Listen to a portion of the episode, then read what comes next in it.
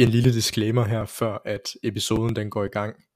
Det var egentlig meningen, at den kun skulle have været en 25-30 minutter, den her episode, som øh, jeg stræber efter, at de fleste episoder er allermest.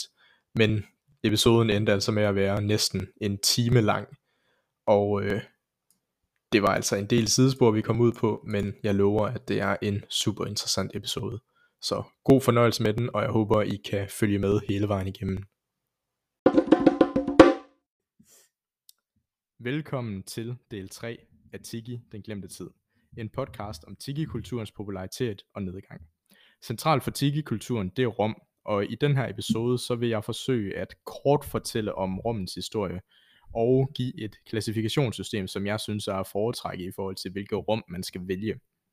Øhm, og den her episode, den kommer til at hedde En sømands våde drøm.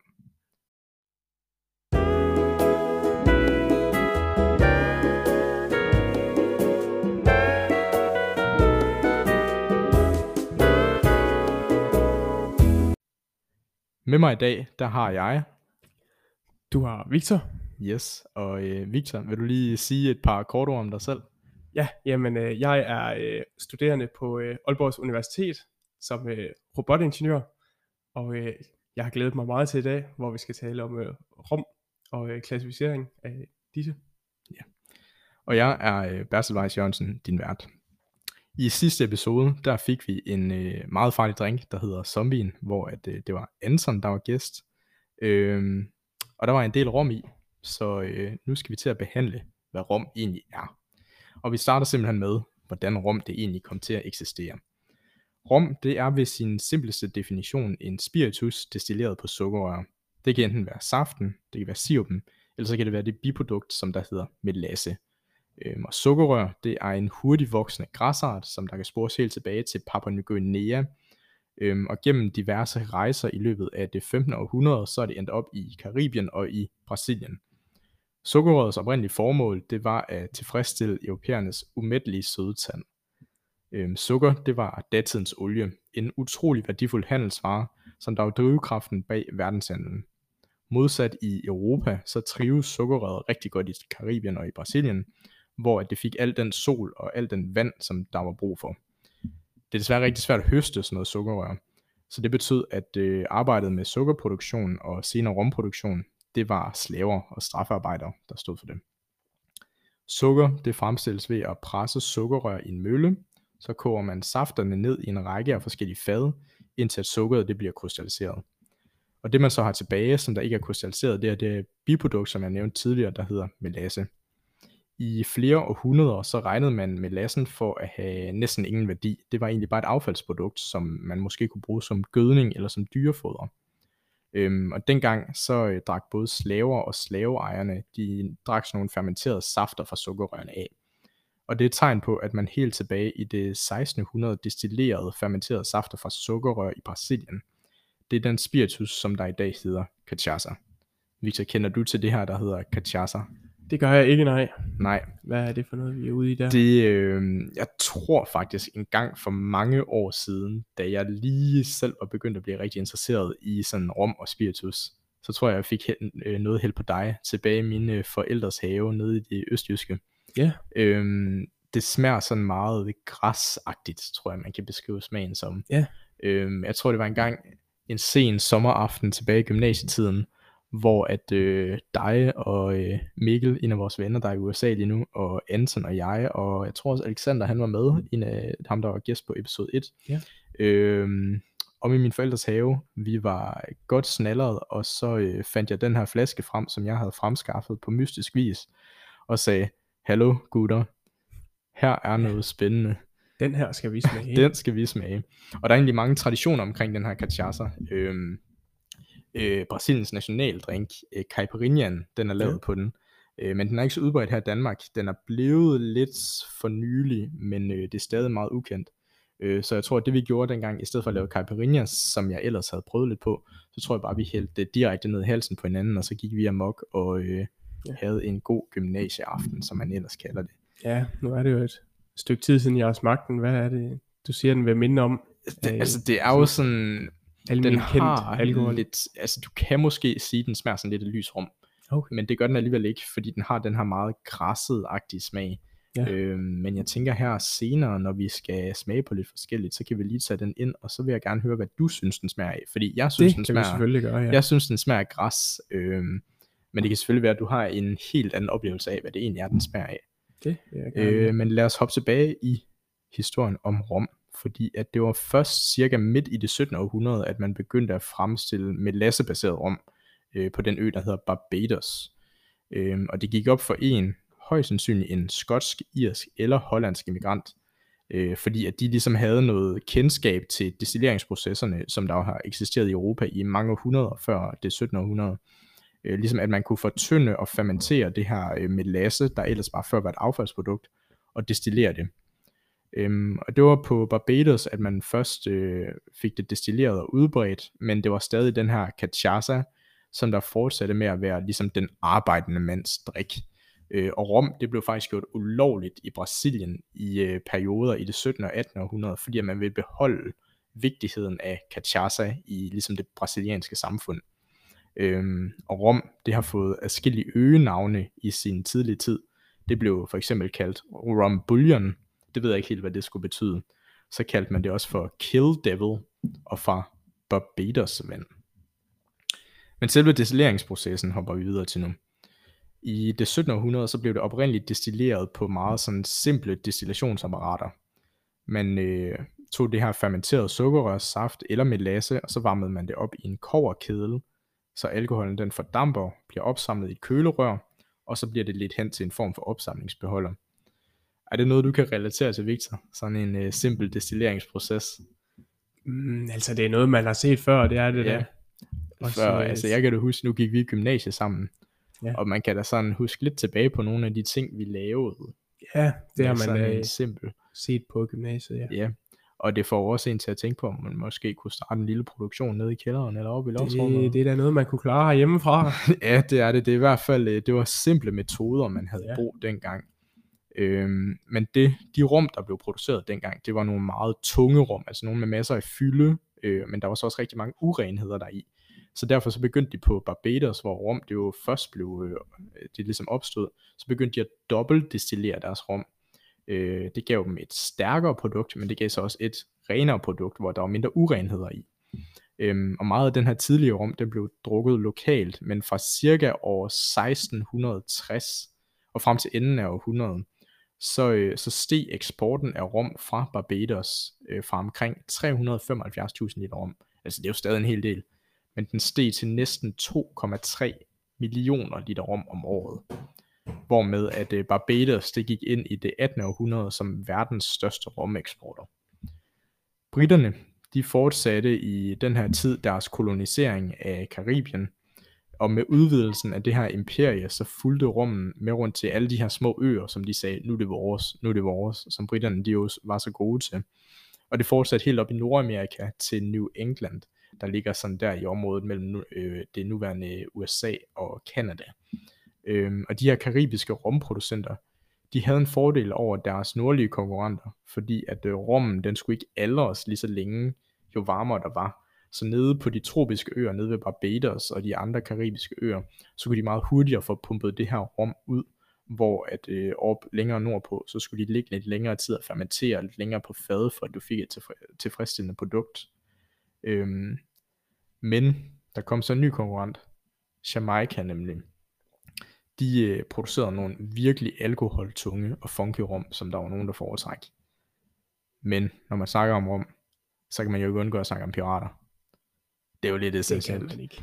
Og øh, vi kan jo lidt øh, i den tid nu, der har vi jo øh, Pirates of the Caribbean, der igen er kommet Det op i medierne med, Ja. med Johnny Depp og Amber Heard. Den er jo set gang på gang. Den er set gang på gang. Det er klassiske film, Ja. der virkelig har understreget hele den her piratlegende af piratkulturen. Det bliver man aldrig træt af, især hvis man har lidt øh, en kærlighed til de områder. Men øh, det var under disse tidlige dage med rumproduktion og handel, at en ny tørstig kunde, de faldt over rummen. Det var piraterne. Sørøvere og de lidt mere accepterede kaper, altså dem, som der havde fået lov af staten til at være sørøvere. Og det, altså, kæft, det kunne lige være et fedt job, hvis det stadig eksisterede.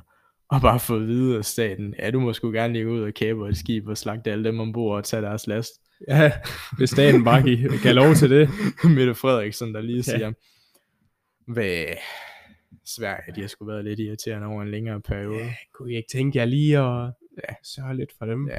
Men man skulle øh, selvfølgelig stadig være traditionen tro og gå rundt med klap for øjet og en papegøje på skulderen, ja naturligvis. mens man går ombord på et øh, mærsk-skib og tager containerne der. Man er vel pirat. Man er vel pirat.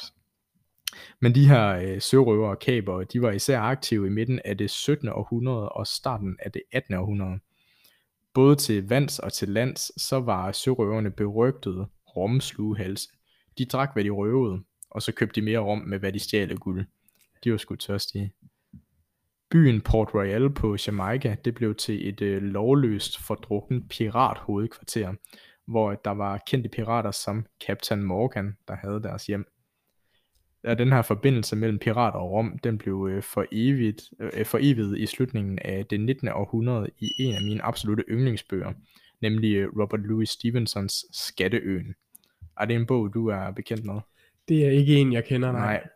Men det er altså den her fortælling om, øh, om en, en ø, hvor der skulle være en skat begravet på, og nogle øh, personligheder, som der går igen i populærkulturen en del. Men lad os lige hoppe tilbage til Captain Morgan her, fordi Ja. det er jeg sikker på, at du kender. Det er jo en, vi kender. Det, det er en klassiker. jeg kender til. Kender du så også til de forskellige rum, som Captain Morgan han leverer? Åh, oh, altså jeg kender dem, der bliver leveret i dag.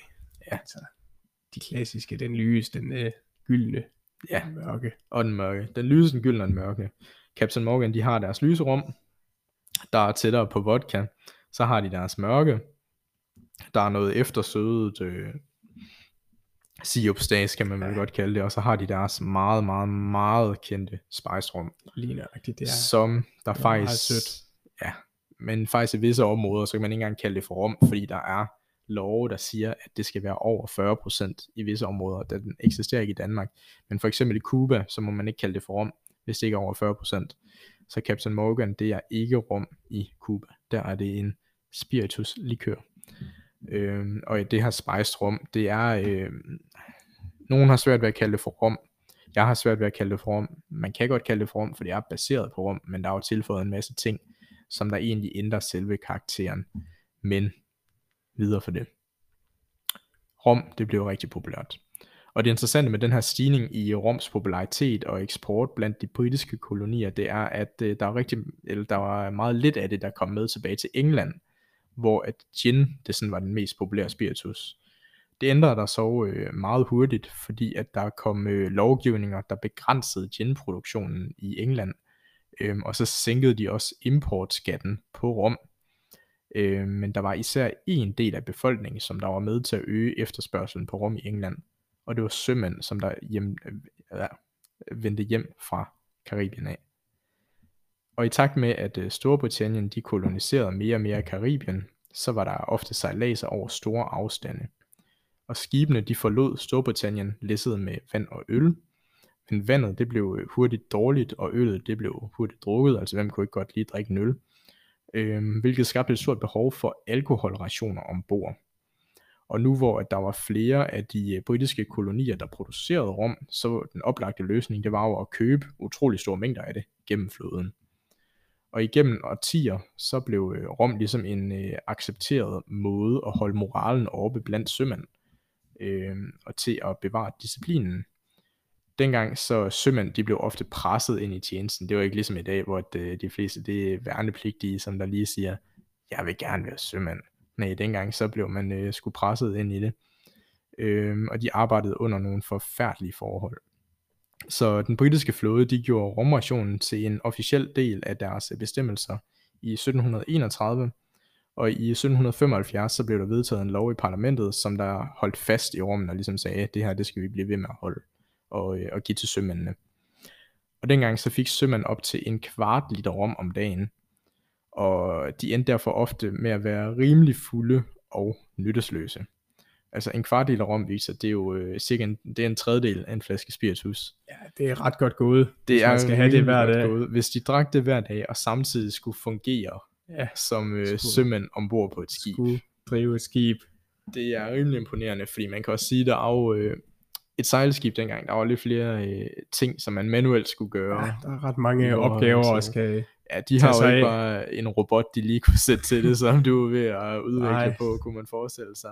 At dengang, der var der jo ræb og knob, der skulle holde styr på, og med en kvart liter rum i blodet om dagen, ja. Så, øh, så kunne man måske sige, at øh, de havde en høj funktionspromille. Det må man nok Øh, sige. det Der kan var noget være- at køre på. det var måske der, at druk, de har øh, taget lidt inspiration fra.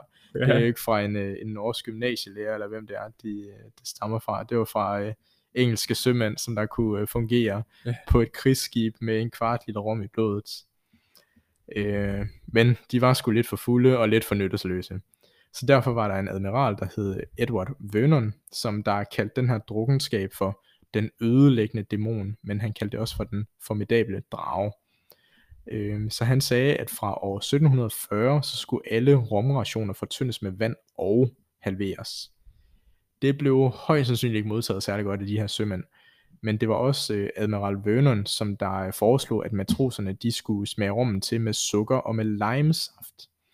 Og det var først flere år senere, at man ligesom opdagede øh, forbindelsen mellem citrusfrugter og forhindringen af den sygdom, der hedder skørbue, som der var sådan en rimelig udbredt øh, sygdom blandt øh, sejl, øh, hvad det hedder, øh, matroser, fordi de ikke fik nok øh, C-vitamin. Øh, men man kan godt lidt med lidt god vilje sige, at det var Admiral Vernon, som der opfandt den drink, der hedder daiquirin, som der nok er den mest simple rumcocktail, men det er virkelig også en, som der kan fremhæve en god rum. Så derfor så skal vi nu have et par daiquiris, Victor. Og sådan en klassisk daiquiri, den består egentlig bare af 20 ml lime juice, 15 ml sukkersirup. Jeg kan godt lide at lave en øh, sukkersirup med en 2 til 1 forhold, altså 2 del sukker til 1 del vand. Og så 60 ml af hvilken som helst rom, man vil have. Klassisk så er det en øh, lys rom, man bruger. Men øh, jeg synes simpelthen, at daiquirien den er så god til bare at tage hvilken som helst rum og ligesom fremhæve den og gøre den til en øh, lidt mere øh, afslappet oplevelse. Øhm, så jeg vil sige, brug hvad du har lyst til om, og så se hvordan det fungerer. Så jeg tænker lige, at øh, vi får bakstet sådan en sammen til os, Victor. Hvad siger Ja. du til det? Lad os gøre det. Lad os gøre det. Det er godt. Vi er tilbage efter pausen. Og velkommen tilbage efter en lille cocktail lave pause. Jeg tænker snart, at jeg skal lave en eller anden sådan lyd til pausen, sådan noget, man kan lige høre sådan en shaker med isen. Kutsch, kutsch, kutsch. Bliver den lige hældt op, og så lige ding, så er glasset klar. Men indtil videre, så er det bare øh, stillhed, og så tilbage efter pausen. Og Victor, han har fået sig en øh, daiquiri, og han fik valget mellem hvilken som helst slags rum, jeg har, eller jeg spurgte ham faktisk bare lysrum eller mørkerum, og så blev han sådan lidt tvunget Ja. til at tage et valg. Nu har valgt en lyse. Victor han har valgt den lyse, og øh, hvordan solgte jeg den til dig, Victor? Jamen øh, ja, den blev solgt sådan, øh, den lyse, den skulle være mere øh, frisk i det. Yes. Lime, den skulle poppe mere ud. Ja. Eller så den mørke, den skulle være lidt øh, tungere i det, og så med en øh, med et sprøjt af limen, Ja, der lige skulle være den lidt frisk. Så det er sådan, med Green så kan du, ud fra hvilken rum du vælger, så kan du egentlig sådan sætte dit eget præg på cocktailen. Skal den være super sommerlig og frisk og bare øh, have lime i forbilledet, eller vil du have en lidt tungere rum, hvor du egentlig bare bruger limen og sukkeren til bare lige sådan at give det lidt ekstra dimension og sådan øh, lidt flere øh, facetter af sig. Men lad os hoppe tilbage til selve fortællingen, fordi øh, vi er nu her ved slutningen af det 18. århundrede, hvor at den britiske flåde, det var en af de største indkøbere af rum i hele verden. Og de havde brug for en stor mængde af et ensartet produkt. Så øh, faktisk igennem de næste 190 år, fra år 1784 frem til år 1970, så var det en enkelt maler, som der skaffede og blandede rum fra forskellige britiske kolonier, som Barbados og Jamaica, Guyana og Trinidad. Øhm, og det var alle sammen forskellige stilarter, de lavede på de her øer, og forskellige aldre øh, på rommene. Øh, og så blandede de og distribuerede den her romblanding til hele den britiske flåde. Men selvom at størrelsen på romrationen den blev mindre og mindre, og alkoholprocenten den faldt helt ned til sølle 54,5 procent. Puha. Det var godt nok synd for de Det- der sømænd, var. Det var lidt af et fald. Det var lidt af et fald. Ja. Så øh, den her daglige rum, det var stadig et øh, meget vigtigt ritual, som der fortsætter ombord på den britiske flådeskibe. Øhm, og den her milde beroselse, som sømændene de ville få for rommen, den blev accepteret på skibene i 1700-tallet og 1800-tallet. Men lige pludselig, da skibene de begyndte at have atomvåben ombord i det 20. århundrede, så var det straks en anden sag. Så begynder de at klage lidt. Ja, så jeg tænker også, der kunne opstå lidt problemer, hvis du sætter sådan en med en, øh, en kvart liter rom. Godt nok med mindre alkoholprocent nu, det er lidt vigtigt at have ja. i mente. Men en med øh, alkohol i blodet til at have kontrol over atomvåben, det kan godt være, man lige skal gentænke det. Det er ikke helt acceptabelt. Nej, så øh, det kom op i øh, parlamentet i, øh, i Storbritannien, og efter lang tids debat, så kom der den berygtede Black Todd Day, den 31. juli 1970. Romrationen den blev fjernet, og sømændene i flåden de markerede det ved at holde begravelser og gå med sort pind om armen. Så de holdt kunstige begravelser, fordi de ikke længere måtte være beruset på arbejdspladsen. Det var en begravelse for Rom. Det var en begravelse for Rom. Det var virkelig en sørgelig dag for oh. dem. Men selvom at den her romration den blev øh, fjernet, så øh, den her stil af rom, den øh, lever videre, øh, fordi at flåden de købte de købte, øh, hvad det hedder, de havde jo store lager af det her rum. Øh, så derfor en lang tid efter, at det blev afskaffet, så kunne man købe det, der hedder Navy Style rum. Og til den dag i dag, så er det stadig sådan en stilart, man prøver på at efterligne med de her 54,5% rum.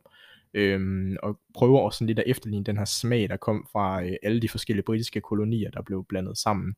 Der er for eksempel noget, der hedder Pussers øh, Navy Rum, som jeg har haft en flaske af engang, Øh, jeg synes ikke, det smagte særlig godt. Det var virkelig sådan alkoholen, der bare slår dig lige ansigtet, og så er der sgu ikke mere ved det. Øh, men de lavede også en version af den, der kun var på 40%, og der var sådan, øh, jeg synes, den smagte jule småkager. Sådan øh, lidt kanel og lidt kardemomme og lidt øh, sådan nellike og sådan noget. Hvad, øh, vil ja, det være noget, du brød om? Noget, noget smag ved. Ja, altså man kan sige, der var smag i det, men ja. øh, det var sgu lidt specielt. Jeg brød mig ikke særlig meget om det. Men det her, det var allerede et stort tab for Rom. Hele den britiske flåde, der ikke længere skulle have det. Øhm, og Roms nedgang, det fortsatte. Øl og cider, det var Amerikas foretrukne drikkevarer i kolonitiden. Men øh, Rom, den begyndte at gøre sit indtog, og inden længe, så var der stor efterspørgsel på det. Og det gik endda så vidt, at der i øh, Massachusetts blev der vedtaget en lov, en lov, som der krævede, at hver by, de skulle have en bar, som der serverede rum. Simpelthen ved lov, så skulle en by have det.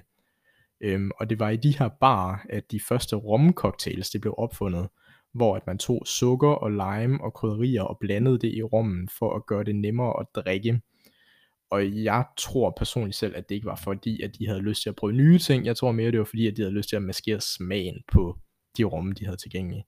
Hvad det tænker, tror jeg gerne på. Øh, ja, det... det var måske ikke de bedste rum, de havde adgang til. Nej. Men Rom, det spillede en rigtig stor rolle i den amerikanske revolution. Amerikanerne, de foretrak at købe deres øh, melasse, altså det her øh, affaldsprodukt, man brugte til at lave rum med, det foretrak de at købe fra franskmændene, fordi det var billigere end ved englænderne. Og det ledte simpelthen til, at den øh, engelske trone, de indførte rigtig store skatter på fransk melasse i 1733, men øh, smutteri, det øh, gjorde lidt, at den her øh, skat, den øh, ikke rigtig havde nogen betydning.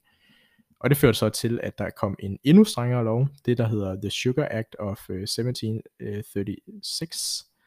Øh, øhm, og flere destillerier, de gik øh, konkurs, og de 13 kolonier, de gik sammen om at klage til den engelske trone.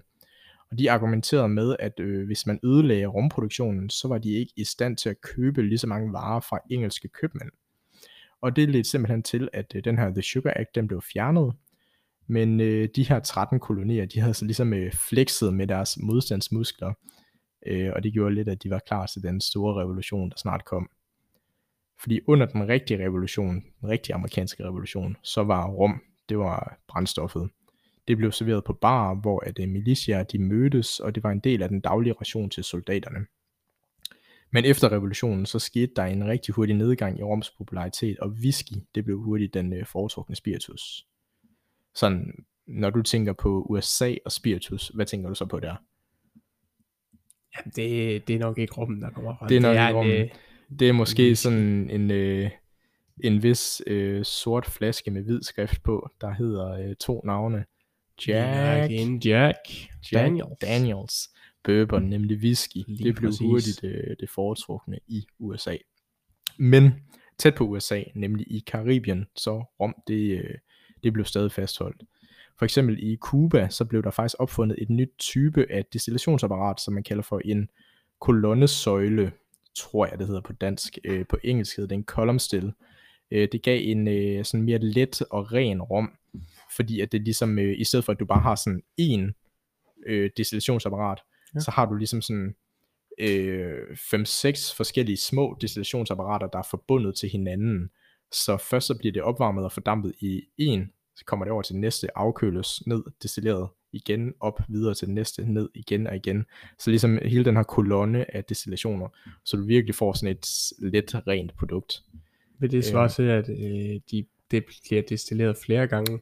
Ja, altså det er lidt det samme princip, men modsat, hvis du bare tog noget, du har destilleret, Ja. og destillerer det igen, så blev det var ligesom et lukket system, så det var ikke fordi, der gik sådan mange aromastoffer tabt for den sags skyld. Okay. Øh, det var mere, at der er sådan affaldsstoffer, der blev sorteret fra.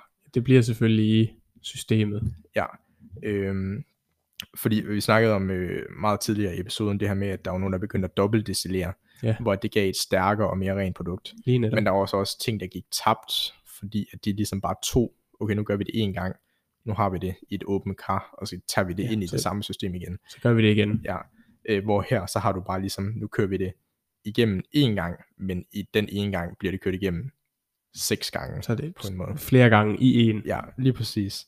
Og det gav den her meget øh, lette og rene rum, som der faktisk er en af de mest populære former for rum i dag, for eksempel Bacardi.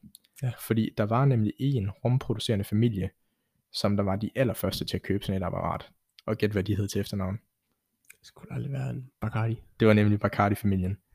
Øhm, det er jo super populært af en af de største rumproducenter. Det er det virkelig. Men da forbudstiden ramte USA i 1920, så gik der ikke længe før, at øh, amerikanske turister de rejste til Cuba, og så forelskede de sig i den her Bacardi-rom, og også de cocktails, som øh, Bacardi-rom den indgang i, øh, indgik i. Og lige pludselig, så amerikanerne, så var whisky sgu ikke, øh, ikke så interessant igen. Nu var det rummen, der var øh, i forbilledet. Så øh, det var under forbudstiden. Men efter forbudstiden, så var der stadig en stor efterspørgsel på rum fra Cuba og der var flere andre øer, som der kopierede den her øh, lettere stilart. Under øh, 2. verdenskrig, så blev næsten al produktionen af spiritus sat på pause i USA, og der var derfor et hul på markedet. Et hul, som de øh, rumproducerende øer i Karibien, de udfyldte rimelig hurtigt. Øhm, så hurtigt, at øh, importere, øh, de tvang ligesom øh, forhandlerne til, at de skulle købe tre kasser rom for hver kasse whisky, de købte. Så efterspurgt var det. Og op igennem 50'erne og 60'erne, så rommen den blev tilpasset mere og mere til en ny foretrukken spiritus, der kom på markedet. Og nu kører vi lige sådan en lille quiz igen. Hvilken spiritus tror du, der blev meget populær i 50'erne og 60'erne? Der er jo en del at vælge imellem, men Oh, ja. hvis du kan få et lille hint med, at den er gennemsigtig, farveløs. En gennemsigtig. Ja. Så jeg vil nok sige en gin. en gin, Ja. tæt på. Hvis den ikke smager så meget. Ikke smager så meget. Er det en, øh, en vodka? Det er en vodka. Det var nemlig Ja. vodkaen, der blev den foretrukne spiritus. Øhm, så rommen, den blev ligesom øh, lettere og lettere, og selv de her øh, jamaikanske rum, som der virkelig bare er nogle fyldige, funky nogen med masser af smag i, de blev også lettere og lettere, øh, fordi at man ligesom ville prøve at komme tættere på, hvordan en vodka den var. Øh, hvilket jeg synes er lidt latterligt, at man prøver at tage en slags spiritus og få den til at være en anden slags. Hvorfor ikke bare holde det? Ja, det lyder lidt mærkeligt. Bare holde den i stilarten, ja. ikke? Men altså, det er jo bare de her producenter, som der tænker, okay, nu vil det have ting, der ikke smager noget, så nu laver vi ting, der ikke smager noget. Men så kom vi så til 80'erne, hvor at spiced rom, det blev introduceret. Captain Morgan, som vi snakkede om tidligere. Spiced rom, det er egentlig bare en neutral rom, som man smager til med karamel og krydderier. Øhm, og så skaber man noget, der måske minder lidt om en rom. Men i virkeligheden, så rommen, den var egentlig blevet til et spøgelse af sit tidligere jeg. Vi gik fra den her virkelig rå ting, hvor du bare tog sukkerrør med lasse, destillerede det en, to gange, fik noget fuldstændig forskelligt fra gang til gang, til at det nu er blevet strippet for al smag, og så putter du den smag i, du gerne vil have. Ja. Der er sgu øh, gået en del tabt. Men i de sidste årtier, så er forbrugerne, de er blevet meget mere kvalitetsbevidste. Og det ser man jo på alle aspekter af alkoholmarkedet. Der er specialøl, der er naturvin, der er en øget fokus på whisky og cognac, Og selvfølgelig også rom, som der har skabt en renaissance af mikrodestillerier, og fået rommen til at komme tilbage til sit oprindelige jeg. Et øh, udtryk for den geografiske oprindelse, hvordan klimaet var, og den kulturelle historie, der ligger bag ved, hvor rommen den stammer fra. Og derfor kommer vi nu til øh, noget, jeg synes er meget essentielt for at kunne forstå om, nemlig hvordan man ligesom øh, inddeler Rom i forskellige kategorier. Fordi Rom i dag, det er af utrolig høj kvalitet, men det bliver især holdt tilbage af en faktor. Den er så divers, men der findes ikke rigtig nogen regler for, hvornår en rom den falder ind under en bestemt kategori. I Danmark der er vi rigtig slemme til sådan at give øh, rom nogle mærker på. Typisk så deler man kun rom op i to kategorier, lysrum og mørkrum. Måske er der også nogen, der kender til spejstrum, ja, men der er mange, der bare noget. kalder... Det er man øh, meget slem til i, ja, i Danmark i hvert fald. Ja, det er ikke sådan, man kender til så mange begreber der. Øhm, men typisk så forbinder man de her lyse rum med sådan nogle relativt neutrale rum, der ikke rigtig smager så meget, som du nemt kan blande i en rum og cola, og ikke rigtig lægge mærke til, hvad det er. Øhm, og det tænker man, okay, det er sådan nogle, som der bare ikke har ligget på fad. Øh, og så tænker man, de mørke rum, det er noget, som der har ligget på fad i en del år. Altså det er sådan, ja. så snart den er mørk, så er der mange, der tænker, okay, det er kvalitet. Så det der. mørk ind, det er ja, med det, masser af smag, godt ja, med krudt i. Øhm, men øh, det er faktisk utrolig misvisende, fordi lysrum, altså noget, der slet ikke har nogen farve, det kan sagtens have ligget på fad i fire år og fået alder på sig. Øh, men så kan det være blevet filtreret med øh, aktivt kul, for ligesom bare at fjerne farven. Ja, præcis. Øh, og mørke rum, de kan aldrig nogensinde have set skyggen af et øh, etræsfad. Men så kan de bare være blevet farvet med karamel, ja. øh, lige efter den blev destilleret, og så ligner det jo en, der måske har ligget på fad i 12 år. Og det, det synes jeg, det er sådan rimelig misvisende, hvis man ikke kender til sådan historien bag ved rum. Øhm, så derfor så er jeg meget stor tilhænger af et klassifikationssystem, som barindehaveren og tigge-entusiasten Martin Kate han har udarbejdet. Øh, og den vil jeg prøve at introducere til dig øh, nu, Victor. Ja. Først så, øh, hvis vi starter med selve alderen på rummen, så kan man overordnet set kategorisere den øh, i tre. Der er det, der hedder lightly aged, hvor den har ligget 1-4 år på fad, og måske så har man øh, filtreret den med aktiv kul for at fjerne farven. Så er der det, der hedder aged, hvor det har ligget øh, 5-14 år på fad. Øh, der er sådan lidt mere dybde og nuancer i smagen, og der er især sådan noter af vanilje og krydderi, måske lidt læder og sådan lidt træagtige noter. Øh, men man skal være lidt forsigtig med alderen på flasken her, øh, fordi at der er noget, der hedder Solera-metoden, der er især populær i Sydamerika, hvor at øh, den bliver blandet, øh, hvor man blander flere forskellige rum med forskellige aldre. Og så med den her Solera-metode, så må man gerne skrive den ældste rums alder på flasken. Øh, så det kan egentlig betyde, at øh, du har øh, måske en halv procent af rummen, som der er 23 år gammel. Men så må du gerne skrive med store, fede bogstaver på rummen. Den her, den er 23 okay, år gammel. så skriver man, at hele flasken ja, er 23. Og det får, og det ja. får sådan folk til at tænke, okay, det er en 23 år gammel ja, rum, det er 23, det jeg drikker her. Øhm, og der kender du den, der hedder Zacapa 23.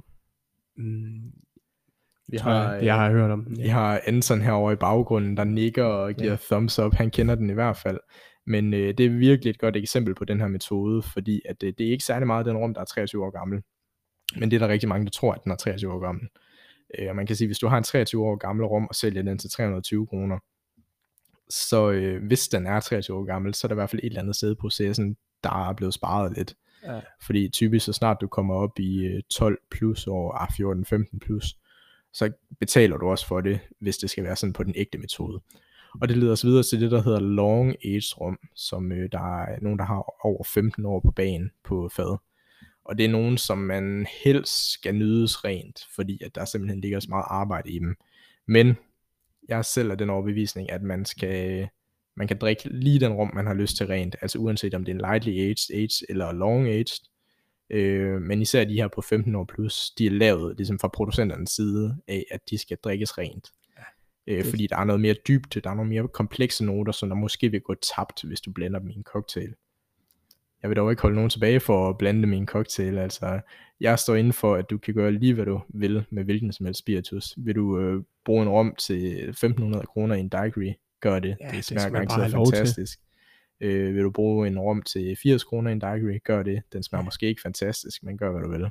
Øh, vil du drikke den rent for den sags skyld, så skal du bare slå det løs.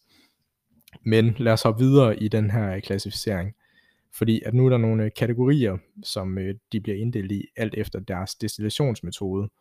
øh, og deres alder. Øh, de første fire kategorier, de er alle varianter af rom, der bliver udelukkende fremstillet på det, der hedder pot stills, som sådan er den mindst, mest simple form for destillationsapparat.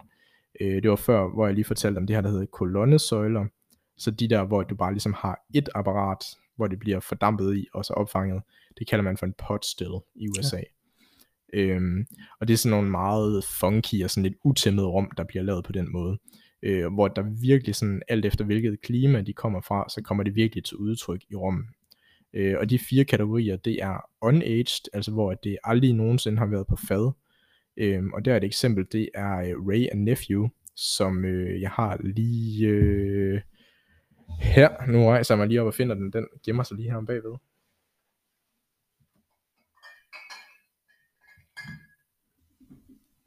Det er sådan en fætter her. Helt klar.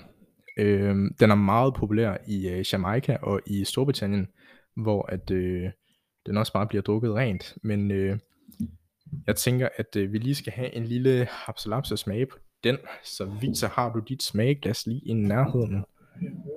Den er lige derovre. Det kan godt være, at I hører lidt øh, klunk og bank i baggrunden, men det er bare mig. Jeg hælder lige en lille chat op her og sender flasken ned til Victor. Ja, tak.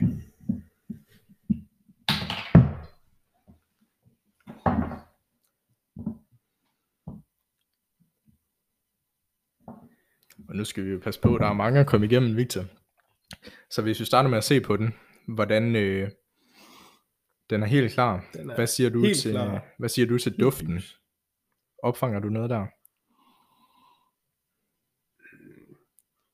Jamen, hvis jeg skulle gætte på, hvad det var, så var det en rum, men der er ikke meget opfanget. Nej, altså det, det der primært rammer mig, det er, det er spiritus. Ja, Det. Måske sådan, jeg har lyst til at sige en lille smule banan, ja, men sådan en virkelig grøn, umoden banan. det er ret i, ja. Ja. Det vil jeg også sige. Super. Nå, lad os øh, få en lille tår ind og se, hvad, hvad vi kan smage på den. Det er lige værd at gøre opmærksom på, at den er på 63%, så øh, der er også lidt alkohol bag den.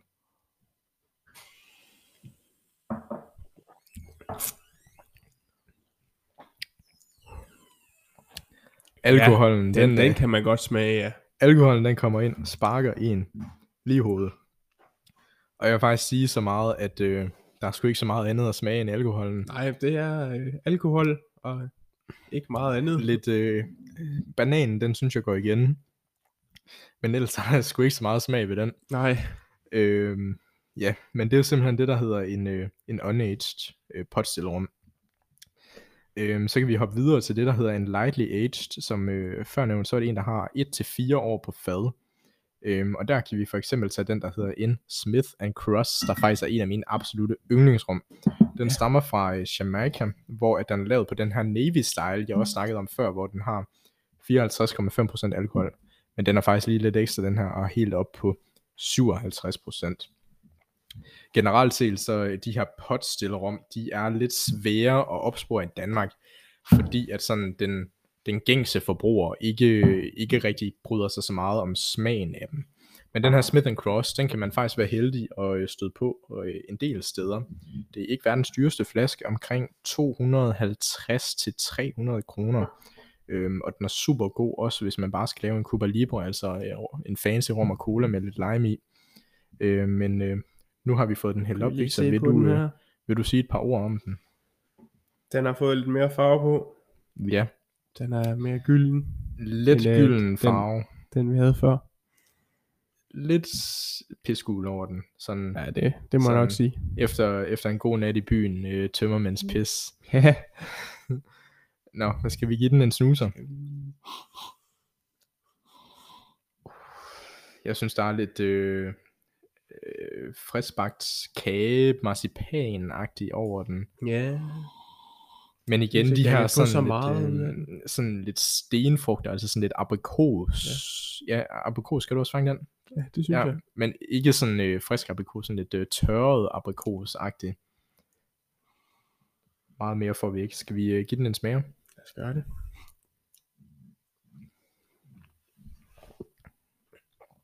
Altså selvom den også ligger deroppe i procenter, så glider den faktisk Den var, øh, den var Rigtig godt ned. end den anden. igen. Den smager øh, noget mere. Der er lidt mere smag deri. Der er nogle, øh, sådan, jeg vil sige sådan lidt julekrydderier. Ja. Jeg ved ikke, om du følger med på den? Jo. Ja, sådan lidt øh, kanel, nellike.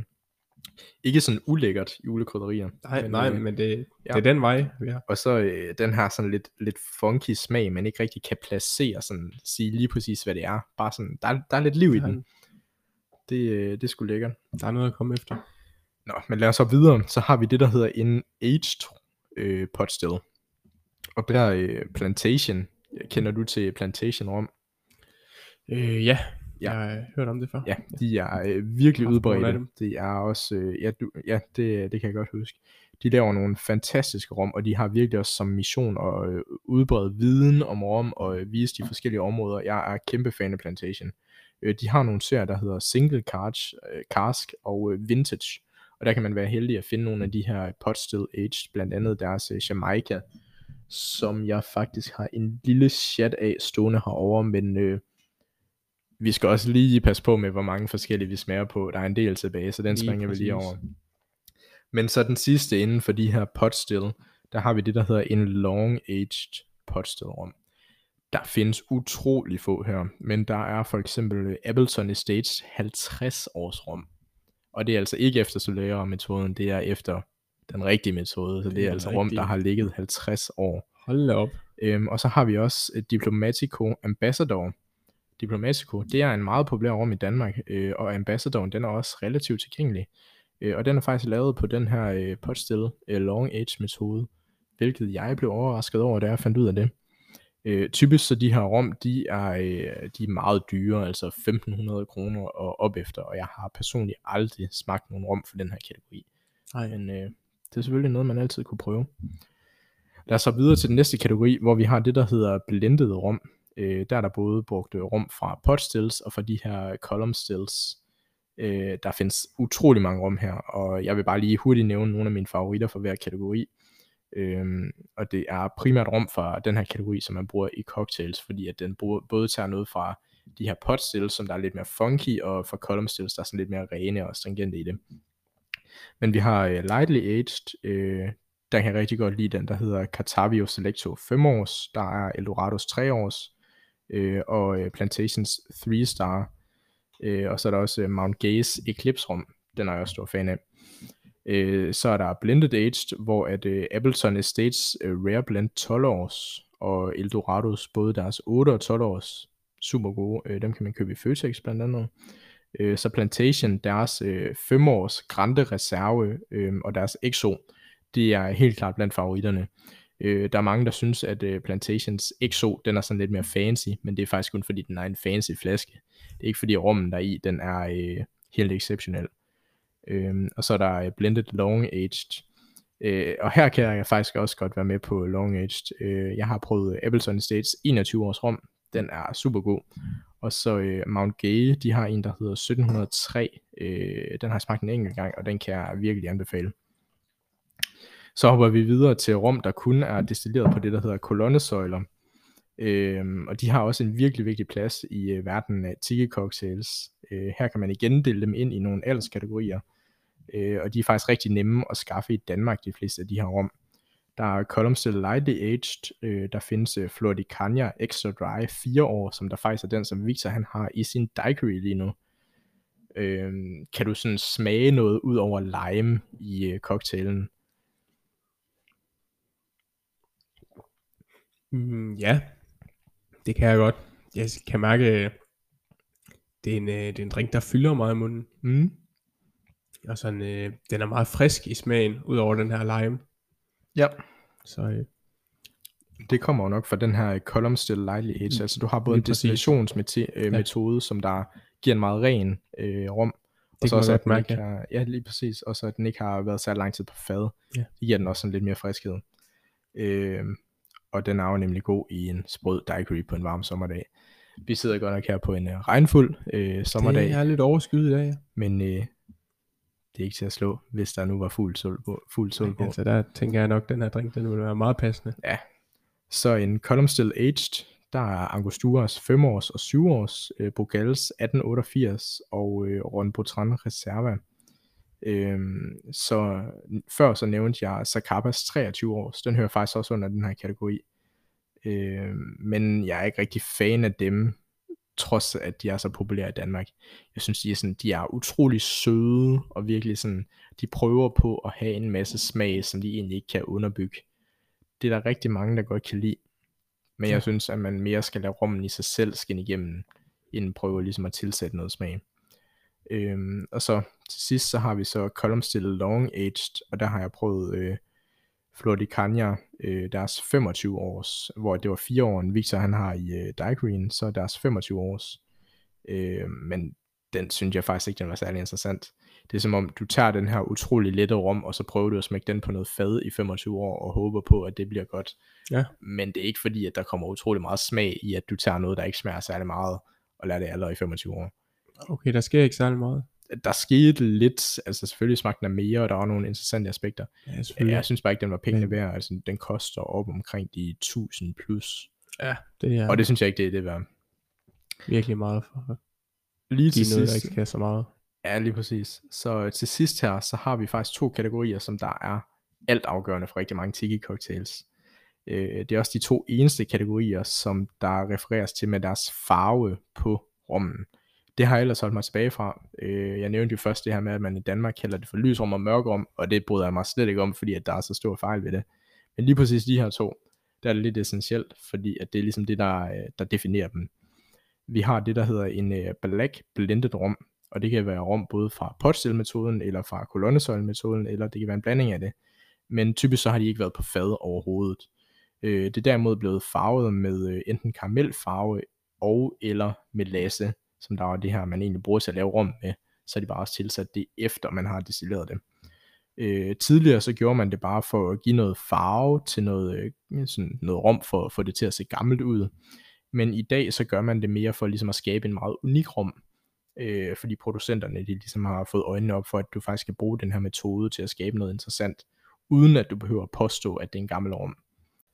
Den her kategori, den er især vigtig for mange tiki cocktails, fordi det ligesom giver sådan en anden mundfornemmelse og smag, som andre rom de ikke kan. Øhm, og rum for den her kategori, de kan godt være lidt svære at opspore, men øh, det er faktisk relativt nemt i Danmark at finde den, der hedder Goslings Black Seal, som der faktisk er den, der har øh, sådan, hvad kalder man det, patent copyright på øh, Dark and Stormy. Hvis det er helt rigtigt, så må man ikke kalde en cocktail for en Dark and Stormy, hvis den ikke bruger Goslings øh, Dark Seal rum. Okay, så den skal være med. Det skal være Den. med den, fordi at det ligesom er dem, der ejer øh, Dark and Stormy cocktailnavnet. Øhm, og så er der det, der hedder øh, Blackwells Black Gold. Øh, den er også relativt nem at finde. Det, den har jeg øh, her foran os. Øh, og der er faktisk lidt en sjov historie med den. Det er Bob Marleys øh, producer, der laver den. Så det er virkelig øh, jamaikansk kultur, øh, der er i en flaske her. Det så den ret fedt. tænker jeg også, vi lige skal have en lille smags hapsalapser på. Lad os gøre det. Jeg sender den nedad. Mange tak. Der. Og der var en prop. Det var en ordentlig skænk, du fik der der, Victor. Det kan være, du skal knække den over med, øh, med Alexander. Vi skal dele. Alexander, han har lige været på en øh, strapasserende cykeltur, så han har brug for lidt, øh, lidt frisk energi her Jeg skal bare lige have lov til at smage på den. til at optage sessionen. Men hvis vi starter, det hedder en black blended rum, Victor. Vil du sige, den er black? Den er ikke black. Den Det er, den ikke, den er i hvert fald ikke sort-sort, men i forhold til de rum, vi havde Det før, er den mest farvede, vi har fået ind. det er den mest farvede videre. videre. ja. Skal vi give den en snuser? Lad os gøre det. Jeg tænker Big Ben, ah, øh, den brune er karamel. godt nok kun noget at komme efter. Ja, Der er, der er sådan lidt øh, kakao-karamel over den. Oh, nu det kan jeg godt opfange, nu, nu du siger det. Ja, dem vi havde før, det var nogle relativt høje procenter, de var på. Kan du se, hvor mange procent den er på, den her Lad os rum? lige se her. Mm, Hvor står det henne? Det er ellers en meget dekorativ flaske med voksforsejling og alt muligt. Den er meget charmerende, sådan lidt gammel sørøverkort over etiketten også. Det kan jeg slet ikke finde. Jo, det er 40 procent. 40 procent, så der er heller ikke så sådan en alkohol, der lige sparker en op i næseborene med det samme. Det er der ikke. Skal vi give den en smager?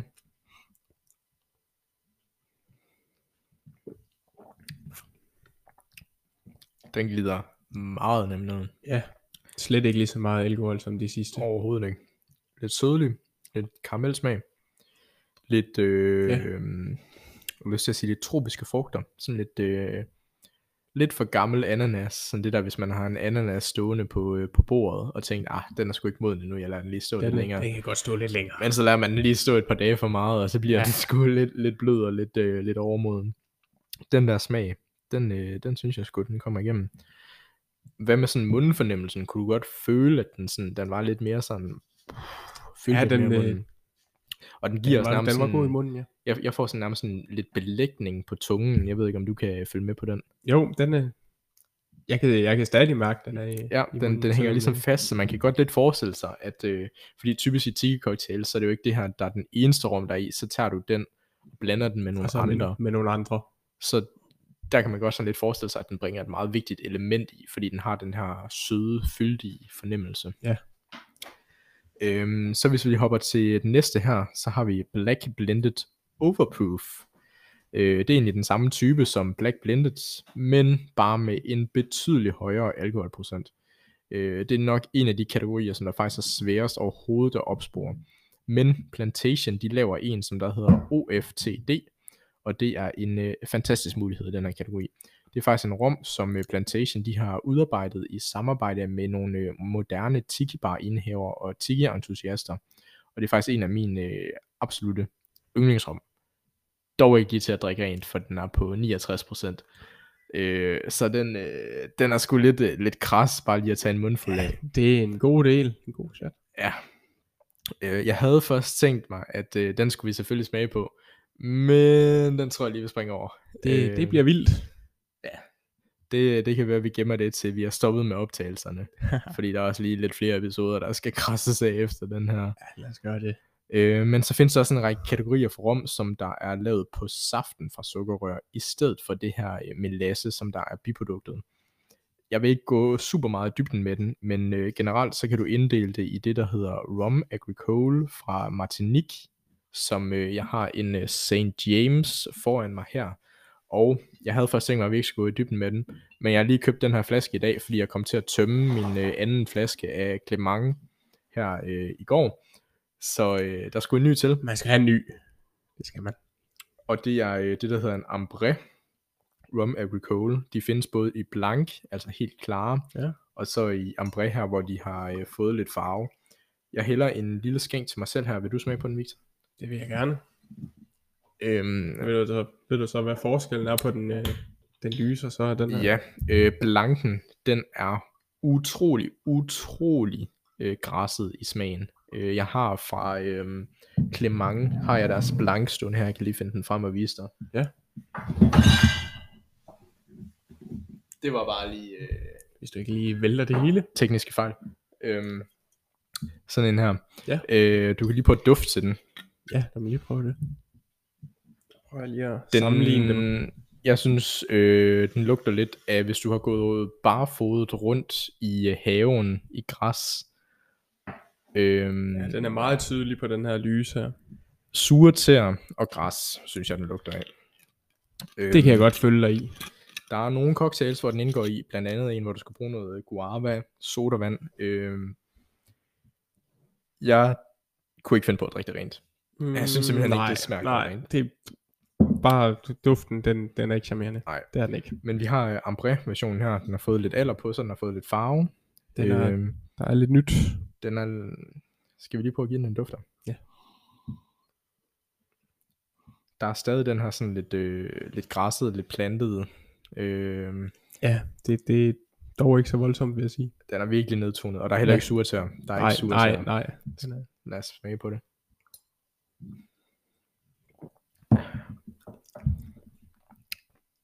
Det smager faktisk rigtig godt.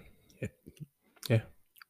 Den har øh, meget let i forhold til de andre rum, jeg har smagt på. Øh, Og faktisk øh, i Martinique, hvor de laver de her rum agricole, øhm, øh, det er en fransk ø, øh, der har de sådan en tradition, der hedder tea punch. At, jeg håber, jeg udtaler det rigtigt. Der, der, der skal virkelig være sådan en tryk på punch. Øh, men der, øh, der er simpelthen en tradition for, at øh, på hoteller og øh, barer og restauranter og sådan noget, så får man øh, stukket en flaske af rum alcohol. Det kan både være den øh, lyse, eller det kan være ambræen. Øh, selvfølgelig den lyse, den er billigere, fordi der ikke er noget alder på den så får du nogle øh, limeskiver, limebåde, og så noget øh, sukkersirup øh, eller sukker. Og så skal du egentlig bare øh, hælde noget rum alcohol op i et glas, klemme en lille limebåd, putte lidt sukker i, hvor meget du nu vil have, blande det sammen, og så har du det, der hedder en tea punch. Og det er sådan en tradition, de har der. Det synes jeg faktisk, det er, det er meget charmerende. Som noget af det første i den her episode, så snakkede vi om det, der hedder cachaça. Det er øh, lavet på det samme som rum colen men det stammer fra Brasilien i stedet for, og det er stadig super populært i Brasilien.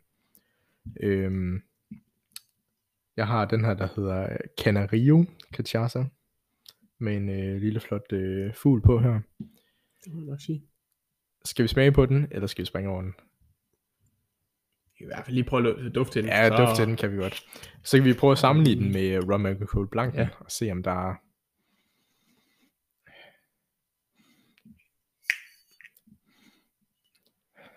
Okay, den har ændret sig meget, siden jeg sidst har øh, duftet til den. Der er i hvert fald ikke øh, hverken græs eller surt her. Jeg synes, den har nærmest sådan lidt, øh, lidt mundskyld over sig. Sådan en god øh, blå Colgate Listerine mundskyld.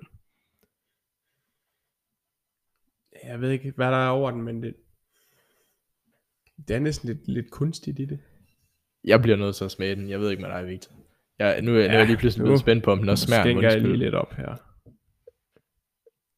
Det er en uh, relativt gammel flaske i min samling. Jeg tror, jeg har haft den i hvert fald på den gode side af tre år nu. Øh, stadig ikke kommet i bund med den. Øh, så hvis det har udviklet sig fra øh, cachaça til mundskyld, så tror jeg da lige, at øh, jeg skal tage patent på den, øh, på den forretningsvej.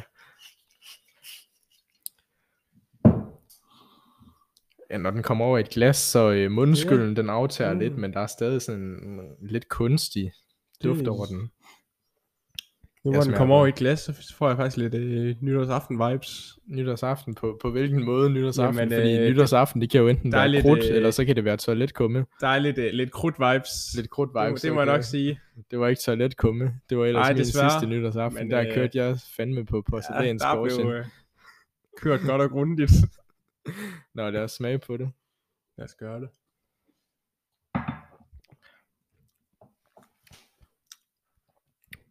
Ah, den krasser lidt det, til sidst.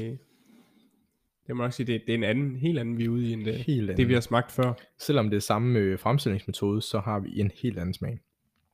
Det smager noget helt andet. Lidt lime, lidt sukker, masser af is, så vil den skulle være fantastisk. Ja. Men mere behøver den ikke det var øh, alt for den her lille øh, sidestikker fra selve Tiki-historien, men ja. øh, det er alligevel Rom, det har utrolig stor relevans for den samlede forståelse af Tiki. Og øh, jeg håber, at det har givet nogen lyst til at udforske Rommens verden lidt mere, øh, og at det ikke har skræmt dig væk fra det. Og øh, så, se, så øh, vi ses ikke. Vi høres igen.